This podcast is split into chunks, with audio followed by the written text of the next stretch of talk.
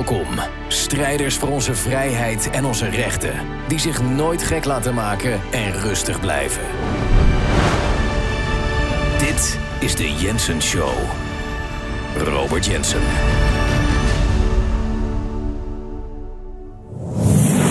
Zoals velen van jullie weten heb ik jarenlang een uh, talkshow gedaan op de televisie.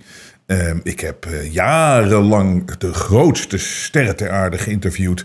Ik heb de, de Nederlandse sterren geïnterviewd. Ik ken iedereen in Nederland. En ik ken heel veel. En ik heb heel veel van die hele grote internationale sterren meegemaakt. En het is zelden, het is echt zeer zelden, dat de personen die je ziet op tv en die je dus uh, alleen maar oppervlakkig kent, dat ze in het echt precies hetzelfde zijn als op tv. De, met andere woorden, het zijn allemaal acteurs. Het zijn allemaal mensen die iets anders uitstralen en zich anders voordoen dan dat ze echt zijn. En op zich is dat geen verrassing voor mij. Maar goed, ik kan het natuurlijk zelf meegemaakt, omdat je mensen zelf meemaakt. Maar het is, het is, het is natuurlijk maar show. Het is theater. En een van de. Uh, bijzondere dingen aan. Ik denk ook dat het te maken heeft met de ontwikkeling van techniek en de opkomst van tv en de opkomst van films en, en, en, en entertainment. Dat dat zo'n groot element is en groot onderdeel van, van, van mensenleven. Dat mensen zo gaan geloven in iets wat totaal niks te maken heeft met de realiteit. Dus dat geldt dat, dat mensen denken van, oh, weet je nou, uh, die Ali B is zo'n leuke jongen en dat is zo uh, grappig allemaal. En oh, hij is, hè, wat hij zegt over zijn kinderen op tv bij Matthijs van Nieuwkerk. Het is een prachtige, wat een leuke gast. Nee, dat heeft totaal niks met hoe die man echt is en hoe hij zich echt uh, gedraagt en hoe hij zich gedroeg. Uh, dat heeft er niks mee te maken. En hetzelfde geldt voor uh, Will Smith. Oh, wat een fantastische gast. Oh, ik ben, ik ben zo onder de indruk van Will Smith en dit en dat. En, en dan zie je gewoon Chris Rock voor zijn mijl slaan bij de Oscars. Bijvoorbeeld. En hoe, hoe, we kunnen uren, uren, uren doorgaan met voorbeelden van mensen die iets goed kunnen uitstralen van hoe ze zijn, maar daadwerkelijk niet zo zijn. Hetzelfde geldt voor al die zogenaamde reality-programma's. Boer zoekt vrouw, Expeditie Robinson. Er zijn zoveel mensen die zijn inmiddels zo geconditioneerd dat ze helemaal op kunnen gaan in zo'n verhaal. En dan daadwerkelijk ook zich uh, kwaad kunnen maken. Nou, waarom is hij van het eiland gestemd? Nee, dit kan niet. En alsof het, alsof het allemaal echt is. En het is allemaal nep. Het is hetzelfde met, oh, die persoon wordt weggestuurd. Bij The Voice, oh, dat is, wat is dit verschrikkelijk. En ach, mijn hele avond is verpest. En het is ook soms zelfs dat als mensen een serie zitten kijken... en ze zijn uh, het er niet mee eens of ze zijn geraakt door hoe de serie uh, is geëindigd. Dat ze zo zeggen van, oh, ik ben zo, ik ben zo kwaad dat mijn serie, die ik al jaren gevolgd heb, dat zo. En mensen kunnen dat echt voelen alsof dat allemaal echt is. En dat is psychologisch, is dat in mensen gaan zitten. En het lijkt wel alsof we nu datzelfde te maken hebben met het non-showbiz leven. Dus het non-entertainment leven. Met andere woorden, het nieuws. En het, wat we net gezien hebben met de hele Kiona-narigheid van al die jaren. Twee jaar lang hebben we erin gezeten. We zijn er nog steeds niet helemaal uit. En ze komen vast weer met iets nieuws. Je hoeft mensen alleen maar in een soort van film te zetten. Je moet een film voor ze creëren. Je moet zeggen dat het allemaal echt is. En ze hebben, we hebben allemaal al de films gezien. En dan gaan mensen zich ernaar gedragen. Er is een of ander killervirus. En de enige manier om, er, om, om je tegen te beschermen is om thuis te zitten. Anderhalve meter afstand. En de mensen zitten gewoon in zo'n. worden geplaatst in een reality-serie. In een reality-programma. Heeft niks met de realiteit te maken. Je komt met feiten van hoe het echt zit. En wat er echt aan de hand is. En mensen geloven niet. Mensen blijven in dat gevoel zitten. En dat zal een ongetwijfeld een soort van psychologische training zijn. Um, met, door middel van de media, door middel van films. Dat mensen zo nu in het leven staan. En zijn dan ook makkelijk te bewegen. Op bepaalde kanten op. De, de mensen die daadwerkelijk aan de touwtjes trekken. Die weten precies psychologisch hoe ze dat dan moeten doen. Mensen zijn zo opgevoed als het ware. En iemand. Waarom ik het zeg, is omdat ik het wil eh, even aan het begin hebben over iemand Waar ik ook nog wel eens gedacht heb van, nou, weet je wel, ja, best wel respect voor. En uh, ja, die doet wel goed uh, werk op zich. Of het doet op niet kwaad. En het is zeker iemand die heel professioneel is. En ook iemand die heel ver gekomen is en uh, heel succesvol is. En het is iemand die ik nog nooit geïnterviewd heb. Dus ik, ik, ik, ik heb haar nog nooit meegemaakt. En wat blijkt, en dat weet ik al een tijdje van deze persoon hoe zij zich naar buiten toe heeft gepresenteerd. En hoe zij uiteindelijk nu is, of altijd al was, maar zeker nu op dit moment is en zo geworden is. Het is bijna de duivel zelf. Terwijl in eerste instantie dacht ik, nou, weet je wat, ja, ja, ja, ja, ja, ja, volgens mij niet de slechtste van allemaal. Dat is ook omdat ik het nooit had meegemaakt. Maar ik had ook beter moeten weten. En dit gaat nu over Oprah Winfrey. Oprah Winfrey altijd gedacht, weet je, dat die, die opera, zeker als je in de televisie werkt, of, uh, dan heb je respect voor hoe dat programma geproduceerd was, hoe het in elkaar zat. Ze deed iedere dag. En ja, het ging de ene dag, het, het was wel grappig. Om de ene dag gaf ze auto's weg. De andere dag uh, hoorde je uh, Amerikaanse huisvrouwen klagen dat ze, hun clitoris te groot was. Ik weet niet wat het allemaal Snap je wat ik bedoel? Het, was, het ging allemaal van links naar rechts, van boven naar onder. En dan ging het een tijd lang over spiritualiteit. En dat deed ze ook best goed. En het, het, het was een, een, een, een, goed geproduceerd en zeer goed. Het zat altijd zeer goed in elkaar, die shows. Dus daar heb je professioneel gezien bewondering voor. En zo is natuurlijk heel rijk geworden en heel succesvol. En je dacht eigenlijk dat ze het allemaal wel goed bedoelden. Maar waar je dus nu achter bent gekomen, is dat dit dus een 1,40 meter hoog, corrupt, duivels, narcistisch propje mens is. En het uitzicht op zoveel manieren. Er is een gesprek met haar naar buiten gekomen. En dit is de headline in Nederlandse media. Oprah Winfrey bleef 322 dagen binnen uit angst voor Kiona. Oprah Winfrey, 68, is tijdens de Kiona-crisis 322 dagen achter elkaar haar huis niet uitgekomen uit angst om het Kiona-virus op te lopen. Dat vertelt de presentatrice in een interview met de Los Angeles Times. Letterlijk het huis ben ik niet uit geweest. Volgens Oprah lachte zelfs haar eigen vrienden haar uit omdat ze zo voorzichtig is geweest. Nou, twee dingen wat je hier natuurlijk eventjes moet weten. De vraag is of het daadwerkelijk zo is. Want ik ga je zo vertellen dat zij veel meer weet van wat hier allemaal speelt en wat hier op de achtergrond allemaal bezig is. Zij is namelijk een iemand van de club. She's a member of the club.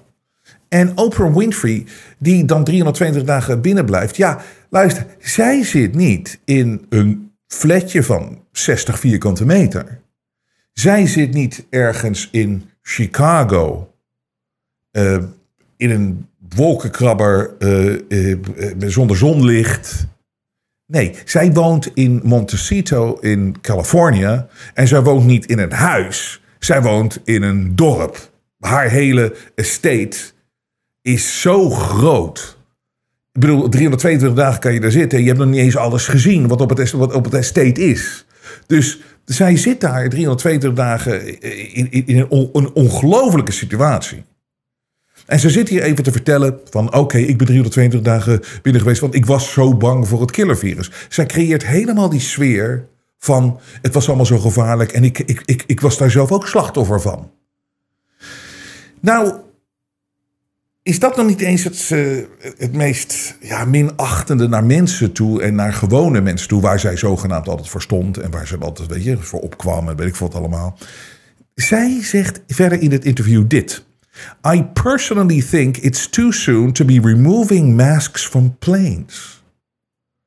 Oprah zij vindt het dus te vroeg om de maskers, dat mensen, hij, zij zegt echt ja, dat echt hoor, dat, dat, er, dat er nu besloten wordt in Amerika door een rechter, dat die maskers in vliegtuigen afgezet moeten worden, daar ben ik fel op tegen. Maar Oprah Winfrey, moet je nagaan, daar ben ik het over een, een, een propje narcisme, wat, er, wat een menselijke vorm heeft. Oprah Winfrey heeft al meer dan 30 jaar, vliegt zij, heeft haar eigen private jet. Niks mis mee. Ik bedoel, ze heeft het geld verdiend. Ze mag het uitgeven zoals ze wil. Maar voor haar, om vanuit haar positie, dat zij 322 dagen in haar eigen dorp in Californië heeft gezeten. In haar eigen paleis. En dat ze dan nog eens even gaat zeggen dat die. Zij weet ook dat die mondmaskers niet werken. Want die onderzoeken zijn overduidelijk en zij is niet dom. En ik ga je zo vertellen waarom ze dit allemaal weet. Maar het feit dat zij haar status nu gebruikt om dit even in de publieke opinie te gooien. Maar gewoon het, het narcisme, het arrogante, wat is er mis met deze mensen? Zij heeft zelf een, een privéjet. Zij heeft al in geen 30 jaar heeft zij meer een gewone normale vlucht met andere mensen genomen, behalve dan de mensen in haar privéjet, in haar, dus omgeving. Al meer dan 30 jaar niet. En zij zit daar gewoon arrogant te zeggen dat zij dus een hele slechte beslissing vindt. Dat gewoon de normale mensen, dat die dat mondkap, dat niet werkende mondkapje, dat die dat nu eindelijk af mogen zetten. Weet je, dat eindelijk mensen bevrijd zijn. Terwijl je al in zo'n klein vliegtuig zit, allemaal op elkaar, met elkaar. Maar inderdaad met goede luchtventilatie uh, en dat soort dingen. Dat weten we in vliegtuigen is dat beter dan waar dan ook. Uh, ook. Dus het is gewoon geen enkel probleem om dat mondkapje sowieso voor wat dan ook af te zetten. Maar dat zij dat zo zegt. En dan vraag je af van. Want wat ze namelijk ook gaat doen, hè. Zij gaat met haar. Want, want zij maakt natuurlijk altijd van die, van, van die reportages over mensen die. Uh, weet ik veel wat. Weet je wat er zegt van. Priscilla was 22 jaar. Toen ze erachter kwam dat ze drie borsten had. Nee, ik zeg maar wat. Weet je, dus deze altijd met mooie pianomuziek. En dat werd allemaal goed gevolgd door haar. Het zat allemaal goed in elkaar, dat programma. We hebben het allemaal, denk ik, wel honderd keer gezien. En sommige waren echt uh, ja, waren prachtig. Dat je bijna stond te huilen van zo'n zo'n zo'n zo'n ja, documentaire kan je niet noemen, maar een item over iets. Dat gaat zij nu doen met. Zij gaat, zij gaat families volgen van mensen die iemand hebben verloren aan corona. Want wat zegt Oprah namelijk? Ze zegt: Ik vind het belachelijk. In Amerika alleen al zijn er bijna een miljoen mensen overleden aan corona. En uh, die hele families worden niet gevolgd. En dat vind ik eigenlijk heel raar. En dat gaan wij nu doen. Dus zij gaat van die tranentrekkende uh, documentaires maken. Of items maken. Gaat ze in elkaar zetten. Dat we echt nog steeds moeten blijven denken hoe erg die corona-pandemie wel niet geweest is. De reden waarom we natuurlijk ook in Nederland niet overdonderd zijn. Weet je, het punt wat ik al heel snel maakte. Waarom zitten al die talkshows niet avond aan avond vol met familieleden van overleden mensen aan corona? Weet je, het werd neergezet als we, zitten in de grootste crisis ook ooit. Uh, dit is de killervirus. Dan zou je toch verwachten dat het vol zit, die talkshows. We hebben bijna niemand gezien. Maar waarom is dat natuurlijk niet? Omdat het sowieso mensen zijn altijd met corona gestorven. En het zijn eh, de, de, de onderliggende aandoeningen en kwalen waren natuurlijk groter dan daadwerkelijk corona was. In veruit de meeste gevallen. En dan nog is natuurlijk corona is natuurlijk zeg maar een geherdefinieerde griep. Het coronavirus bestaat. En heel veel van die griepvirussen zijn een vorm van coronavirussen. Dus het, we zijn in een situatie geplaatst dat, dat mensen dachten, hè, als in een reality show, van dit is het allerergste en dit moeten we doen en we moeten het allemaal blijven volgen. Maar we hebben nooit bewijs gezien dat het zo erg was. En ook niet in die talkshows. Maar Oprah die gaat wel wat mensen vinden en die bouwt er wel wat verhalen over. Want nu gaat ze dat dus neerzetten, want zij wil niet vergeten hoe afgrijzelijk deze corona-tijd is geweest. Wat het niet feitelijk geweest is. Maar ze gaat die sfeer gaat ze creëren. Daarbovenop wil ze gewoon zo lang mogelijk dat mensen die dat theater door blijven opvoeren met die mondkapjes in vliegtuigen, terwijl zij het niet hoeft te doen. En geen van die gasten dit ooit gedaan hebben. Want zij zat op haar estate. En waarom doet zij dit nu allemaal? Dus nu kom ik op het punt dat ik zeg bijna duivels. Omdat we gewoon helemaal eh, getrapt zijn in haar Oprah zo goed. En het is gewoon één brok narcistisch. En dat moet je ook wel waarschijnlijk zijn en zo corrupt om zo rijk te worden. En dat het systeem je nog steeds zo omhoog houdt, ondanks alles. Want dit is een artikel uit 2009. Uh, dit is NBC die hier een, een rapport over heeft gemaakt. Top billionaires hold secret meeting. Bill Gates, David Rockefeller, Oprah Winfrey en other leading, daar komt die philanthropist, die filantropen, wat natuurlijk gewoon een ander woord voor criminelen zijn, is tegenwoordig, met in secret in New York this month to discuss ways to promote efforts to solve growing social problems. Dus deze miljardairs, Oprah Winfrey zit in dat clubje van Bill Gates, van David Rockefeller, die inmiddels overleden is. Maar er zijn weer andere Rockefellers die uh, het natuurlijk overnemen. En Gates is een Rockefeller, zeg maar, die zitten heel dicht op elkaar. En wie waren daar nog meer aanwezig in, dat, in, dat kleine, in die kleine meeting, dit kleine groepje waar Oprah bij was? Daar komt die Ted Turner, de oprichter van CNN, die, die publiekelijk altijd praat over dat er veel te veel mensen op deze planeet zijn en dat we terug moeten naar 500 miljoen mensen. Daar praat die man publiekelijk over. Warren Buffett, die toegegeven heeft. Warren Buffett is een van de rijkste mensen ter wereld. Lange tijd was hij de rijkste man ter wereld. Die heeft toegegeven, en dat hebben we laatst nog uitgezonden. Dat heeft David Gavin, een andere miljardair, een andere creep. Die heeft dat gezegd dat iedere keer als hij vraagt aan Warren Buffett: waar ga jij je geld aan uitgeven als je straks er niet meer bent? En Warren Buffett gaat zijn hele vermogen nalaten aan wat? Population control. Met andere woorden, het inperken van de bevolking. We hebben dat uitgezonden een aantal weken geleden. We zullen dat um, daarnaast zetten. Dan zal je zien, uh, of een aantal maanden geleden. Dan zal je zien dat daadwerkelijk. En Gavin kent deze mensen. En dit is gewoon echt van uit zijn eigen mond. Population control, met andere woorden, het controleren van de bevolkingsgroei. En het, het inperken van de bevolkingsgroei. en het, het, gewoon eigenlijk gewoon het elimineren van heel veel mensen is voor deze mensen het allerbelangrijkste. Want zo houden ze hun controle op de situatie en blijven zij de rijken en de rest uh, kan allemaal instorten. Dus wie was er ook aanwezig? Dus dat was Ted Turner, Buffett en George Soros natuurlijk. Die zat er weer bij. En die doodenge Michael Bloomberg, die oude burgemeester van New York. Ook allemaal climate change, allemaal bevolkingskrimping, controle, controle, controle. En deze meeting, daar heeft de Wall Street Journal in 2009 um, eigenlijk nog een duidelijker, die, die, die is erachter gekomen wat daar besproken is. En die heeft het zo gerapporteerd. Billionaires try to shrink world's population, report says. Last week's meeting of the great and the good, or the richest and richer, was bound to draw criticism. Waar ging het namelijk over deze meeting? Dit ging helemaal niet om sociale problemen te discussiëren. Van hoe houden we ten eerste mensen eronder en hoe zorgen we er gewoon voor dat er minder mensen op deze planeet zijn. En Oprah Winfrey zit in die club. En nu zie je dus waarom zij het narratief de leugen dat we hier te maken hebben gehad met, en nog steeds te maken hebben met iets heel gevaarlijks. Waarom ze dat nu in stand houdt. En je ziet dus dat wat we dachten dat een Oprah was, totaal niet klopt met de realiteit. Nog iets wat totaal niet klopt met de realiteit van wat ons wel voorgeschoteld wordt, is de hele abortus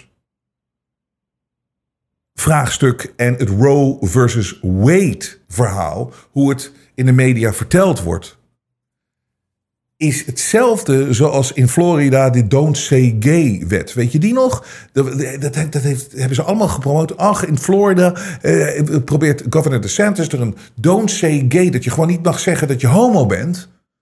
Dat, dat, dat, dat, dat, heeft hij gewoon in de wet geplaatst. Hij heeft het getekend en uh, dat is nu wet. Je mag niet zeggen dat je homo bent. Nou, iedereen natuurlijk die oppervlakkig en alleen maar die headlines leest... en van een bepaalde politieke kleur is... of uh, altijd hier meteen uh, bovenop springt. Helemaal hoofden exploderen. Don't say gay wet. Maar het, het is gewoon helemaal niet wat die wet was. Die wet ging erover dat je tot zeg maar 7, 8 jaar op scholen niet geconfronteerd wordt en dat mag dan niet meer in het onderwijs, met allemaal seksuele voorlichting, met hoeveel genders er zijn, uh, hoeveel seksualiteiten er zijn. Dat heeft geen plek op school voor jonge kinderen. Dat was die wet. Niks met gay te maken, maar dat hebben ze zo gespind, zodat ze dat weer. En de media neemt het allemaal over. Don't say gay. Dat was het helemaal niet. Roe versus Wade is hetzelfde. Er wordt nu gedaan alsof abortus illegaal gemaakt wordt in Amerika. Toch? Dat is hoe ze het spinnen en hoe ze het draaien en dat de meeste headlines zijn. En wat Kamala Harris, de vicepresident van Amerika, moet je eens horen hoe die stond te schreeuwen. Dat, dat dit nu weer de grootste aanval op vrouwen is. Want abortus wordt illegaal en dit is verschrikkelijk. En ze haalden gewoon een Greta Thunbergje erbij. Luister naar Kamala. Those Republican leaders who are trying to weaponize the use of the law against women. Well, we say, how dare they? How dare they tell a woman what she can do and cannot do with her own body? How dare they? How dare they try to stop her from determining her own future? How dare they try to deny women their rights and their freedoms. How dare they? How dare they? Het is aan de ene kant om te lachen, maar aan de andere kant, ik weet, het is heel moeilijk om naar dit soort mensen te kijken. Maar wat is nou het echte verhaal van Roe versus Wade? Dat is in 1973 is dat er een beslissing van de Supreme Court geweest over abortus. En wat ze in 73 besloten hebben, dat abortus legaal is in het hele land. Wat is daar nou het probleem mee? En wat, is wat was oorspronkelijk het probleem? Was dat de Constitution in Amerika zorgde eigenlijk voor dat als het gaat om heel veel dingen, de meeste dingen, dat de federale overheid daarbuiten blijft. Het moet allemaal op staatsniveau besloten worden. Er zijn weinig dingen wat de federal government kan beslissen voor alle staten. Zo werkt dat land.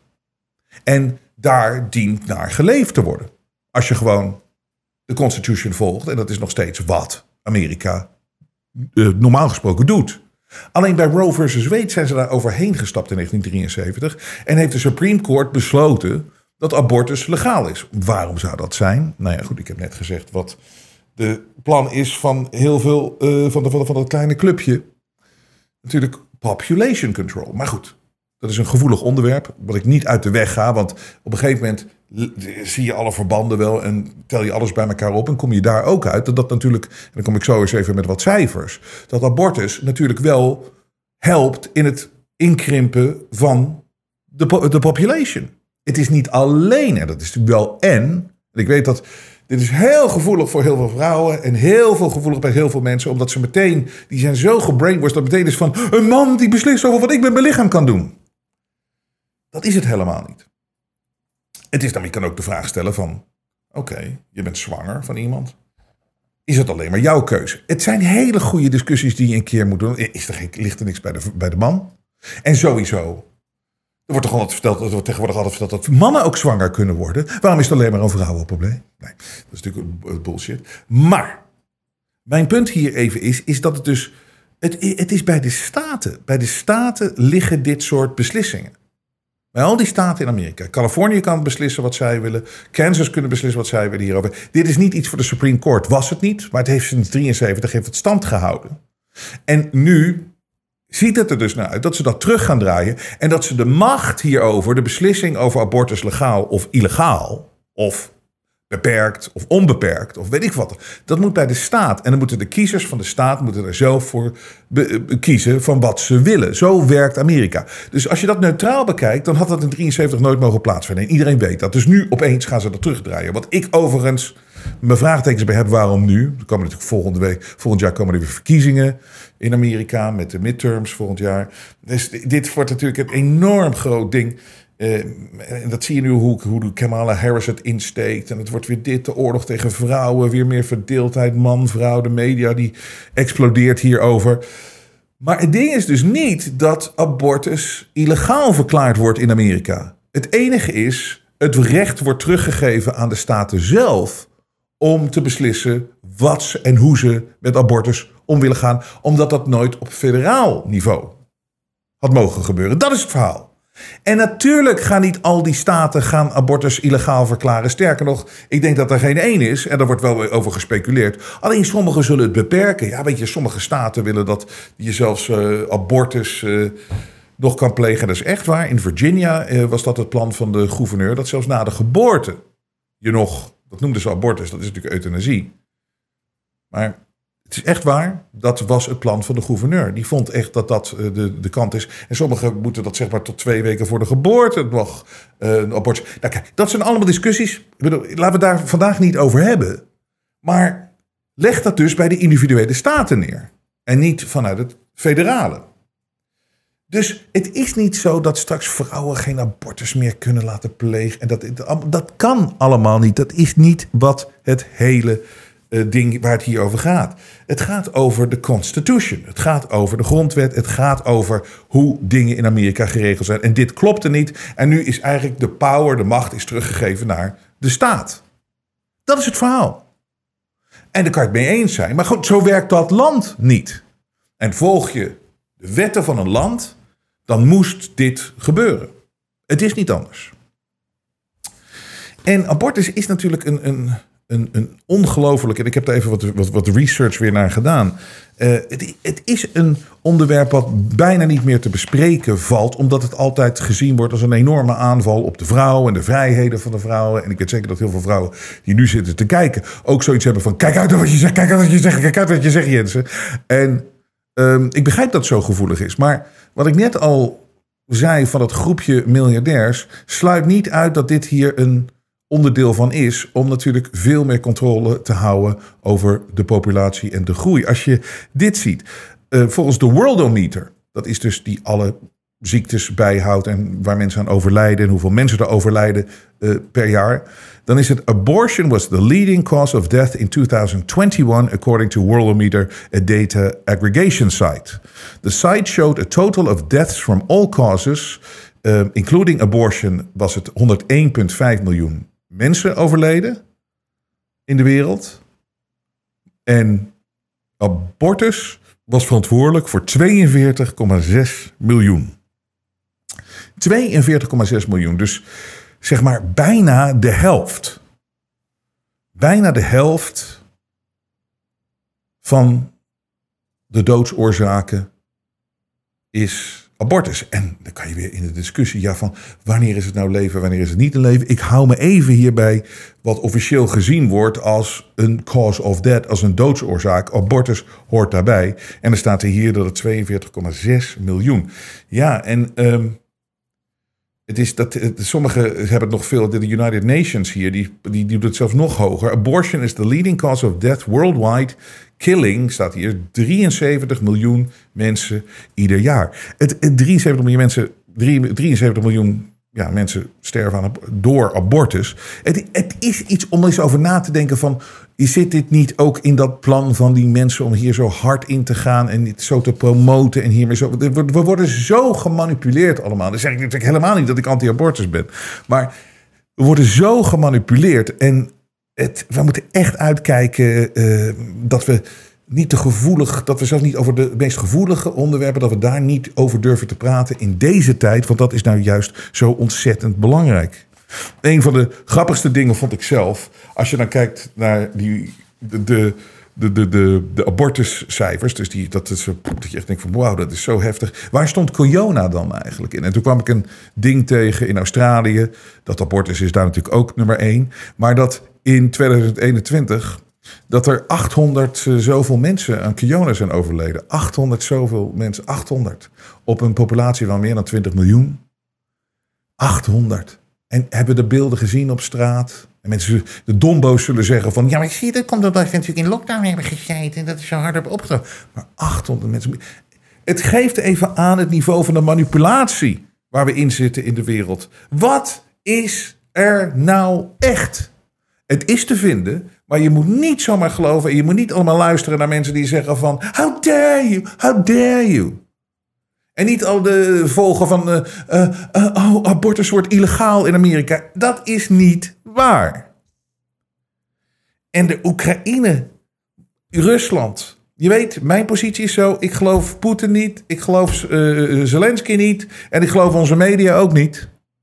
Want we weten ook hoe we voorgelogen zijn over alle oorlogen die hebben plaatsgevonden namens de Verenigde Natie en namens, de, namens het Westen.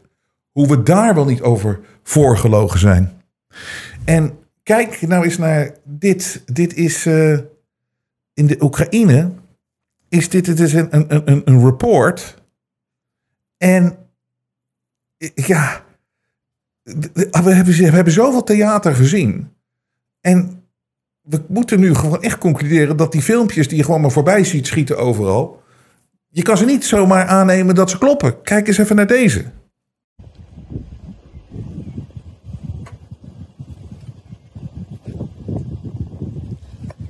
Oké, okay, begin maar. Всем привет, это проект Варна. Вы знаете, что действительно в воздухе идет достаточно серьезная борьба с беспилотниками.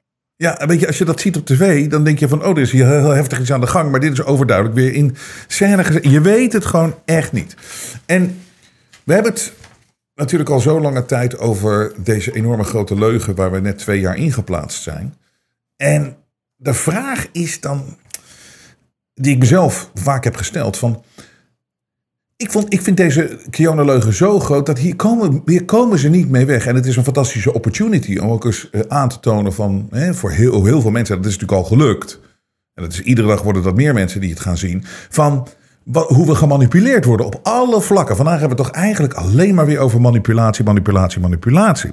Maar je vraagt je af, en dat heb ik al twee jaar gedaan. En ik heb hier openlijk over gespeculeerd. Weet je, wat gaan ze dan nu weer creëren? Nou, ik weet precies dat ze een aantal dingen kunnen doen. Bijvoorbeeld wat ik al zeg, er kan een komeetinslag komen. De, de UFO's komen eraan. Uh, extraterrestrials komen eraan. Er komt natuurlijk nog een, uh, een bird flu komt eraan. En dat soort. Maar als je helemaal dat uitloopt, dan het meest heftige, dacht ik, in die hele periode, is natuurlijk een nucleaire aanval. Want dat is als je opgegroeid bent, eh, van mijn generatie, was de nucleaire bom. Ik weet nog heel goed dat je, je werd zo bang gemaakt, altijd Rusland met met de bom en Amerika met de bom. En toen kwam er een meeting tussen Rusland en tussen, tussen, tussen, tussen Reagan en Gorbachev. En dat uh, gelukkig, de wereld hield zijn adem in. Maar ik zat toen op de lagere school, maar daar werd wel over gesproken. Het was heel heel, heel naar. Dus dat zit ook weer diep in mijn psychologie. Of dat hebben ze erin gestort. Inmiddels is het er wel uit. Ik zie wel hoe het spel gespeeld wordt. Maar dus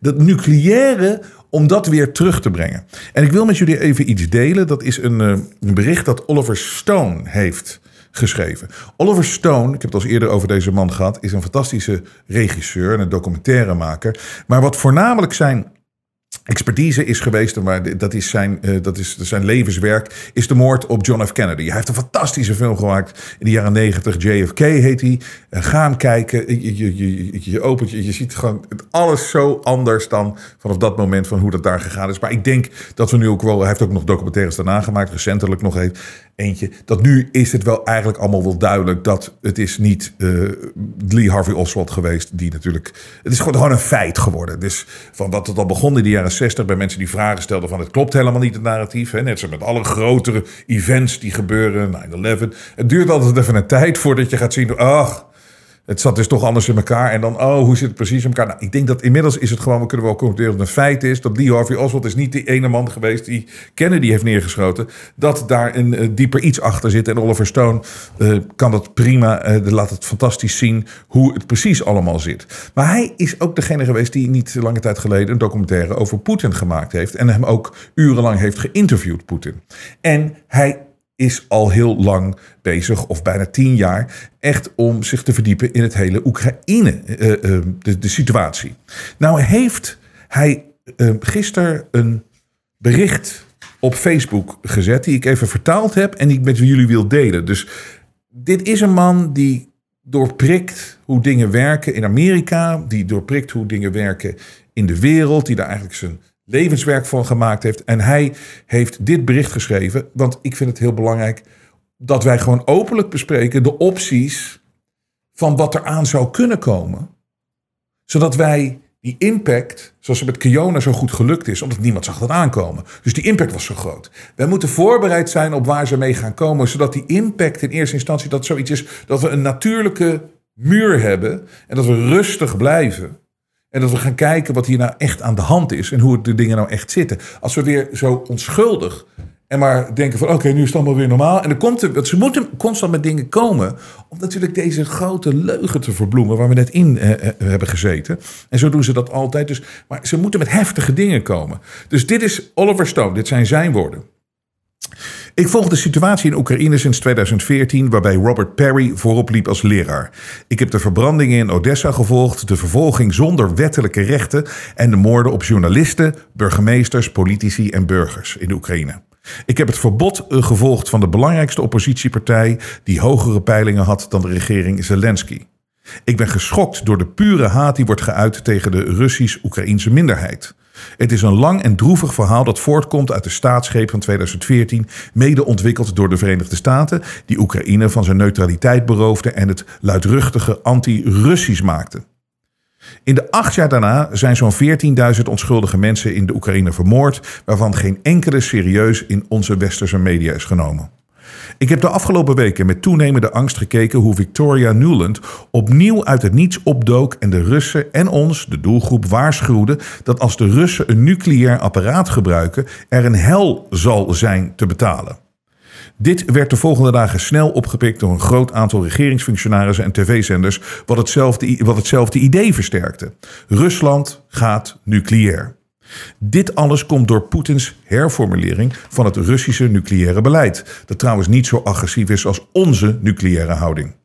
Dit deed mij afvragen waarom dit keer op keer herhalen.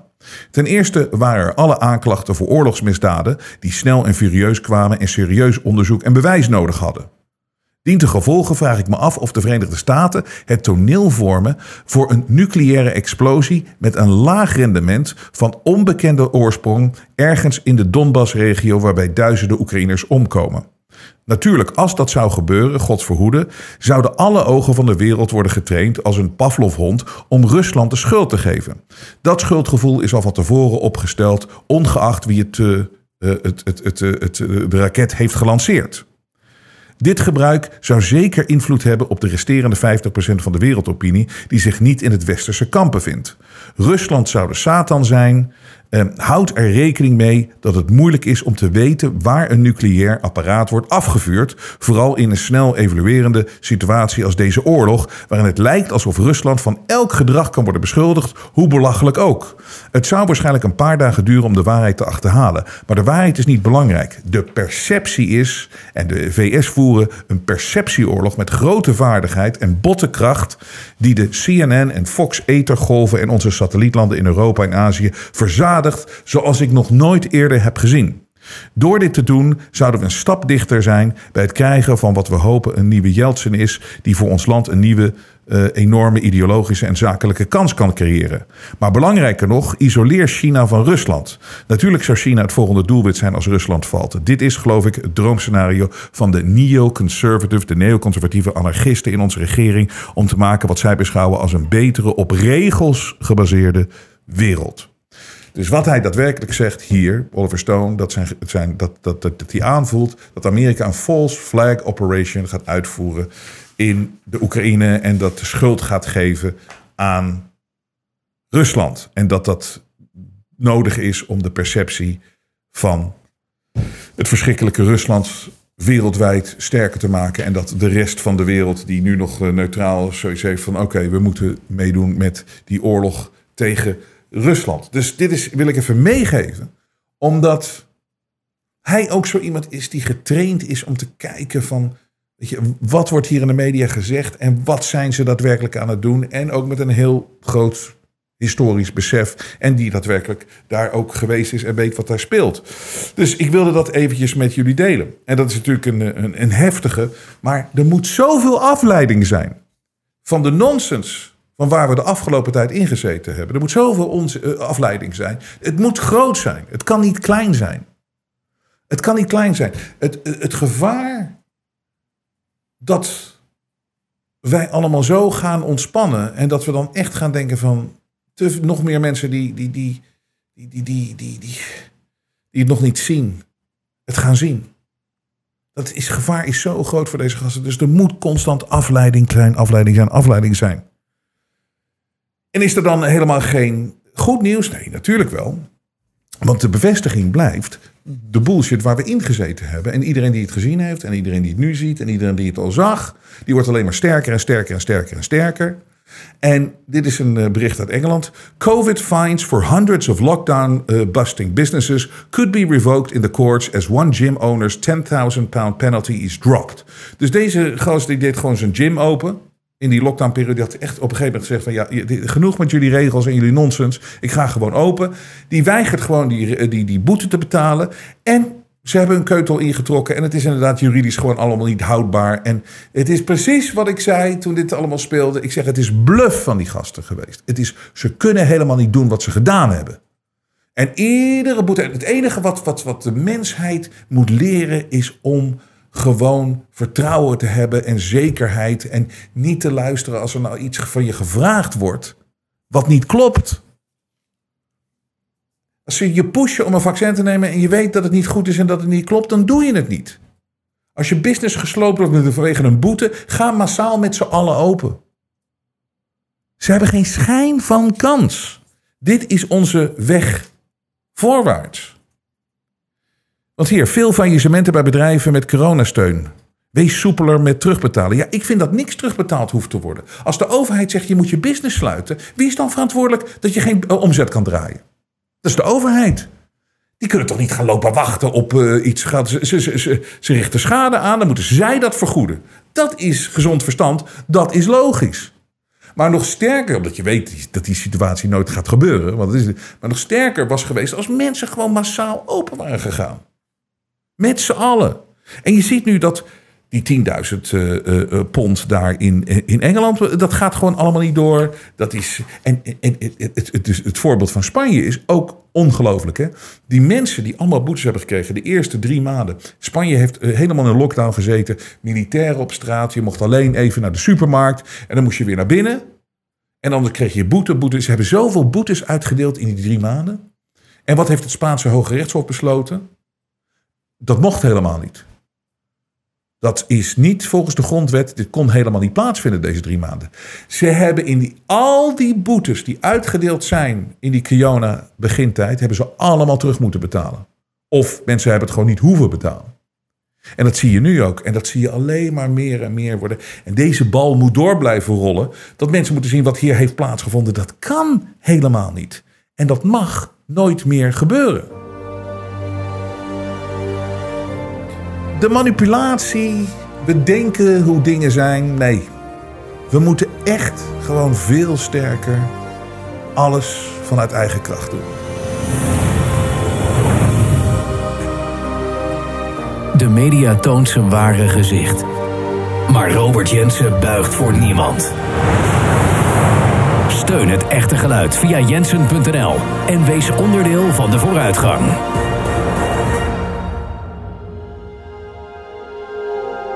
Vrije geluid laat zich niet censureren.